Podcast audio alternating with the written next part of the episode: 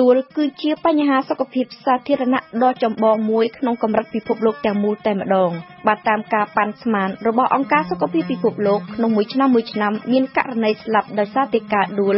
ចំនួនជាង646,000នាក់ពលគឺការដួលជាមូលហេតុទី1នៃមរណភាពរបស់មនុស្សចាស់អាយុលើសពី65ឆ្នាំឡើងទៅ និងជាមូលហេតុទី2នៃមរណភាពដោយចៃដន្យឬក៏ដោយការប៉ះទង្គិចដែលអចេតនា ជាង80%នៃការដួលរបស់មនុស្សចាស់កើតនៅក្នុងប្រទេសក្រីក្រនិងមធ្យម ក្នុងនោះ60%នៅក្នុងតំបន់អាស៊ីអាគ្នេយ៍នៅលើពិភពលោកទាំងមូលអត្រាអ្នកស្លាប់ដោយសារតែការដួលមានកម្រិតខ្ពស់បំផុតចំពោះមនុស្សចាស់អាយុចាប់ពី60ឆ្នាំឡើងទៅនៅក្នុងចំណោមការដួល12ករណីមានមួយបង្កឲ្យមានការបាក់ឆ្អឹងក្រោយពីបានដួលម្ដងហើយហានិភ័យមានគ្រោះដួលម្ដងទៀតនៅក្នុងឆ្នាំតែមួយកើនឡើង1គុណនឹង20ដង គ្រោះដួលកើនទៅតាមអាយុជារៀងរាល់ឆ្នាំគេសង្កេតឃើញមានមនុស្សចាស់អាយុពី65ឆ្នាំទៅ79ឆ្នាំប្រមាណជា35%បានដួល45%ជាមនុស្សចំណាស់ពី80ទៅ89និងដល់ទៅ55%ចាប់ពីអាយុ90ឆ្នាំឡើងទៅចូលដល់វ័យចំណាស់ខ្លាំងគេលែងនិយាយអំពីភេទស្រីឬក៏ភេទបុរសទៀតហើយមនុស្សចាស់ភេទស្រីនិងភេទប្រុស អាចជួបគ្រោះនឹងហានិភ័យដួលដូចគ្នា នៅក្នុងប្រទេសខ្លះមនុស្សចាស់ភេទប្រុសជួបគ្រោះថ្នាក់ស្លាប់ដោយដួលឬក៏គ្រោះពិការភាពនៅនឹងកន្លែងក្រោយការដួលរយៈពេលវែងជាងមនុស្សចាស់ភេទស្រីទៅទៀតហេតុអ្វីបានជាមនុស្សចាស់ឧស្សាហ៍នឹងងាយដួលបើនិយាយអំពីករណីដួលដោយខ្លួនឯងអាយុគឺជាកត្តាហានិភ័យដ៏ចម្បងគេបង្អស់មូលហេតុដែលនាំឲ្យមនុស្សចាស់ងាយដួលមានច្រើន គឺដូចជាសរីរាង្គកាយនីមួយៗចាស់លែងអាចបំពេញតួនាទីបានត្រឹមត្រូវឬក៏មានជំងឺជាប់នឹងខ្លួន ស្ថានភាពសុខភាពទូទៅចុះទ្រទ្រោមភ្នែកអន់មើលមិនច្បាស់អន់ត្រចៀកស្ដាប់មិនសូវឮអន់ស្មារតីលែងសូវរវាសដែលបង្កើនហានិភ័យដួល បាត់បង់លំនឹងវិលមុខមានបញ្ហាសន្លាក់សាច់ដុំចុះខ្សោយលែងមាំមួននិងមានជំងឺជាប់នឹងខ្លួនឬក៏លាបថ្នាំច្រើនមុខពេក អិរិយាបថឬក៏ទម្លាប់រស់នៅមិនល្អមិនគ្រប់គ្រាន់ទទួលទានអាហារគ្មានលំនឹងមុននឹងក្រោយពេលបញ្ចេញកម្លាំងពលកម្មកម្លាំងកាយឬក៏មិនសមស្របទៅតាមតម្រូវការរបស់សរីរាង្គកាយទទួលទានគ្រឿងស្រវឹងធ្វេសប្រហែសនិងមិនសូវប្រុងប្រយ័ត្នឬក៏ខ្លាចដួលជ្រុលពេកបរិស្ថានមិនស៊ីនឹងមនុស្សចាស់គ្មានសម្ដាប់ធ្នាប់ដែលធ្វើឲ្យតាក់ដៃតាក់ជើងដួលនិងការដួលនៅក្រៅផ្ទះ ដោយកត្តាហានិភ័យខាងក្រៅដែលមិនអាចកំណត់បានទាំងអស់នេះហើយដែលសុទ្ធសឹងតែជាមូលហេតុនាំឲ្យមានករណីដួលកើតឡើង Il y a un cercle vicieux qui existe, c'est-à-dire que si elles ont peur, elles vont plus sortir. Si elles sortent plus, elles font plus d'activité physique. Et si elles font plus d'activité បើមនុស្សចាស់ខ្លាចគាត់នឹងលែងចេញដើរបើគាត់លែងចេញដើរគាត់លែងបញ្ចេញកម្លាំងកាយធ្វើសកម្មភាពបើគាត់លែងធ្វើសកម្មភាពកាយសម្បទាគាត់នឹងមានគ្រោះដួលកាន់តែកើនខ្ពស់ព្រោះខ្លួនប្រាណសាច់ដុំលែងសូវមាំមួនផ្ទុយទៅវិញនៅពេលណាគាត់មានទំនុកចិត្តលើរូបគាត់គាត់ហ៊ានចេញដើរហ៊ានហាត់ប្រាណហ៊ានបញ្ចេញសកម្មភាពដែលធ្វើឲ្យខ្លួនប្រាណគាត់រឹងមាំនឹងលែងសូវមានហានិភ័យដួលមនុស្សនៅពេលចាស់ទៅ ច្រើនតែកោងមានជំហរដងខ្លួនមិនត្រង់ទេ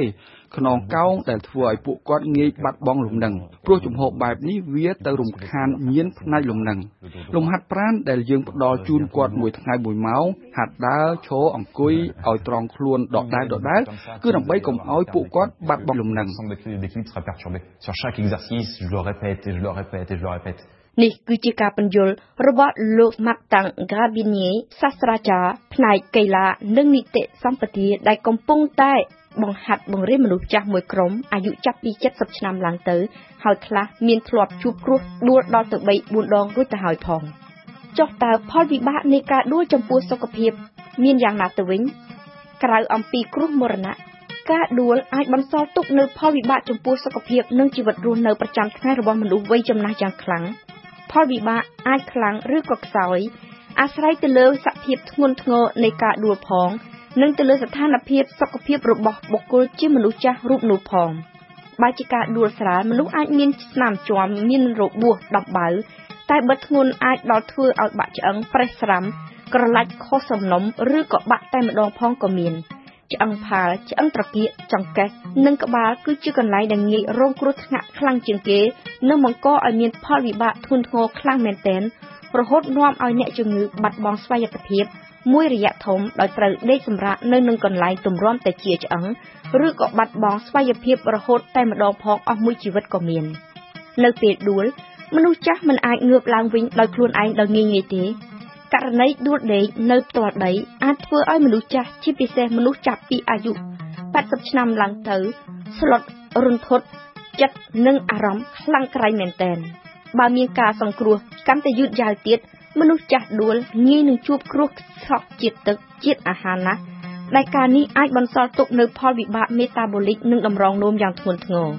បើសិនជាមនុស្សចាស់មានជំងឺជាប់នឹងខ្លួនស្រាប់ផងដូចជាជំងឺបេះដូង ទឹកនោមផ្អែម បញ្ហាផ្លូវដង្ហើម ឬក៏ជំងឺរ៉ាំរ៉ៃជាប់នឹងខ្លួន ការដួលនឹងធ្វើឲ្យការព្យាបាលជំងឺ ខាងលើត្រូវរអាក់រអួល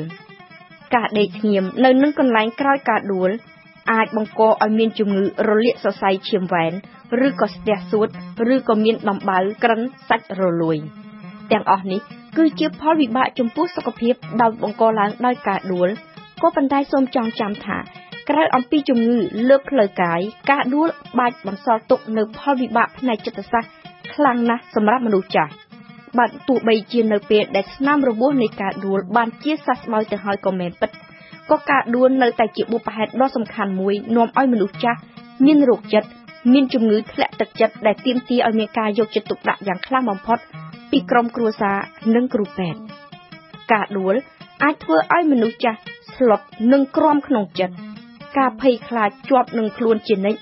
ហើយគឺការភ័យខ្លាចនេះឯងដែលជាកត្តាមួយនាំឲ្យងាយដួលភ័យខ្លាចដួលជ្រុលពេកមនុស្សចាស់នឹងអាចឈានដល់ថ្នាក់បាត់បង់ស្វ័យភាពតែម្ដង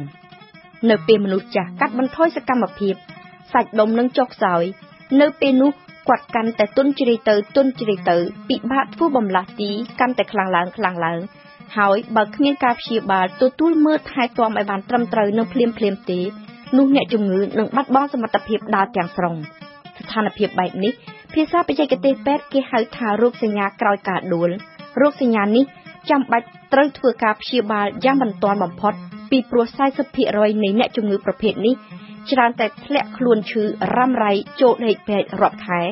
និងភ័យរីងរៃដល់ស្លាប់បើដូច្នេះសួរថាតើមានវិធីការពារកុំឲ្យដួលដែរឬទេ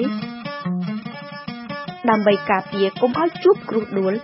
សូមទទួលស្គាល់ខ្លួនឯងអំពីភាពចាស់ជរានៃសរីរាង្គកាយនិងសតិបញ្ញារបស់ខ្លួនចូលដល់វ័យមួយលោកអ្នកត្រូវតែចេះប្រកាន់ទម្លាប់ថ្មី ប្រុងប្រយ័ត្នជាងមុននិងធ្វើអ្វីមួយមួយសូមកាន់ឈើច្រត់ជាជំនួយបើអ្នកដឹងខ្លួនថាពុំសូវមានលំនឹងគុំដំអកហាត់ប្រងើបបើទោះបីជាអ្នកដួលហើយក៏ដោយ សូមកុំខ្លាចនឹងពឹងពាក់កូនចៅឬក៏អ្នកនៅជុំវិញខ្លួន នៅក្នុងការធ្វើអ្វីមួយ ដែលជាតំណាងគ្រោះថ្នាក់ឲ្យនាំឲ្យដួលសម្រាប់លោកអ្នកនៅក្នុងវ័យចំណាស់